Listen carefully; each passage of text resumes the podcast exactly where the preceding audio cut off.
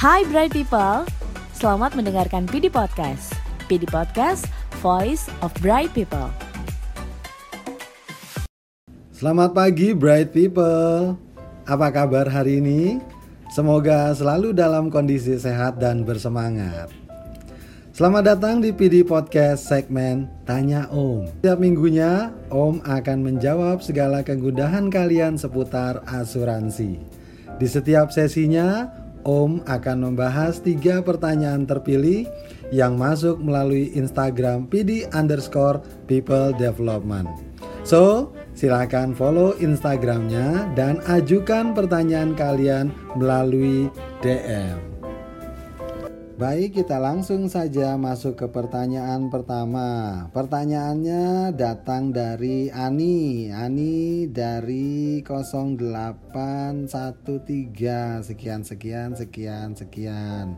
Pertanyaannya yaitu kalau nasabah ngaku sehat di pengisian SPAJ padahal ada riwayat penyakit terus ternyata polisnya disetujui kalau klaim dibayar enggak Nah, Ani nih pertanyaannya bagus, tapi kita di perusahaan asuransi jiwa menganut prinsip yang namanya Atmos Good Faith yang artinya yaitu itikat baik. Jadi kita berharap nasabah yang mengajukan permohonan untuk punya perlindungan asuransi, untuk punya itikat baik, menginformasikan semua kondisi ataupun riwayat-riwayat kesehatan, keuangan, dan lain-lain sebagainya. Bagaimana kalau ternyata dipalsukan atau tidak sesuai dengan tidak sesuai dengan kondisi yang sebenarnya, maka jika terjadi risiko kemudian mengajukan klaim, besar kemungkinan klaimnya tidak dibayarkan dan bahkan polisnya akan dibatalkan secara sepihak oleh perusahaan asuransi jiwa. Kenapa? Karena nasabah tidak menganut atau tidak mengikuti prinsip Atmos Good Faith. Bagaimana? Puas? Pertanyaan berikutnya datang dari Ana. Ana nih di ana.ana@yauda.com. Pertanyaannya yaitu nasabah pengen beli asuransi buat anaknya tapi ternyata anaknya tuh sekolah dan tinggal di luar negeri. Gimana? Baik. Berdasarkan kualifikasi nasabah-nasabah yang menurut kita adalah nasabah-nasabah yang bisa dianggap sebagai nasabah yang hot prospect atau nasabah yang sesuai dengan leads adalah yang memenuhi tiga kriteria yaitu yang pertama need atau nasabahnya mempunyai kebutuhan dipastikan bahwa nasabahnya Ana tadi punya kebutuhan karena dia pengen beli asuransi. Kualifikasi kedua yaitu affordable atau kemampuan secara finansial. Pastinya kalau dia pengen beli asuransi, dia juga punya konsekuensi untuk mempunyai uh, dana untuk membayar sejumlah biaya atau premi.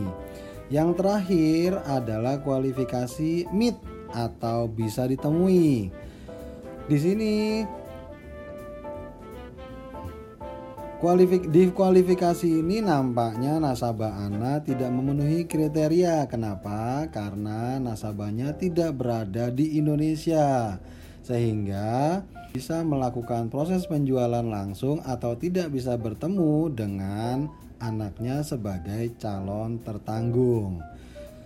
Dalam fungsinya sebagai seorang insurance advisor, Ana juga harus berfungsi sebagai field underwriter atau underwriting yang bertemu langsung dengan nasabah. Untuk itu, Nasa, Ana sebagai seorang insurance advisor harus bertemu langsung dengan calon tertanggung. Bagaimana? Was?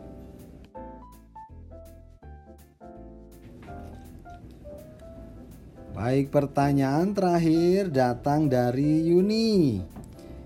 Yuni dari nomor telepon di 08912 sekian sekian sekian.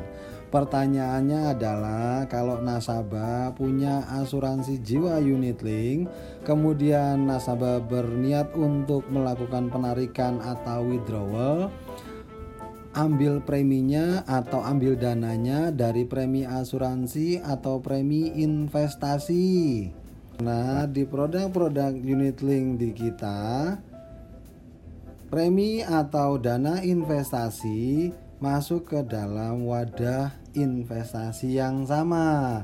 Artinya, kalau nasabah mau narik atau melakukan penarikan dana investasinya, maka nasabah nggak usah pusing-pusing, nggak usah bingung-bingung mau narik dari premi atau investasi. Jadi, jadi tulis saja berapa dana yang akan dilakukan penarikan, kemudian mekanisme sistem kita akan menghitung berapa jumlah dana investasi yang tersedia baik itu dari premi asuransi maupun dari dana investasi. Bagaimana? Puas? Itu tadi tiga pertanyaan yang sudah Om bahas. Jangan lupa ajukan pertanyaan kalian melalui DM Instagram People Development. Tiga pertanyaan terpilih setiap segmennya akan mendapatkan hadiah menarik dari People Development. Nantikan episode Tanya Om selanjutnya. See you bright people. Hai bright people, terima kasih telah mendengarkan PD Podcast. Tunggu keseruan PD Podcast episode selanjutnya ya. PD Podcast Voice of Bright People.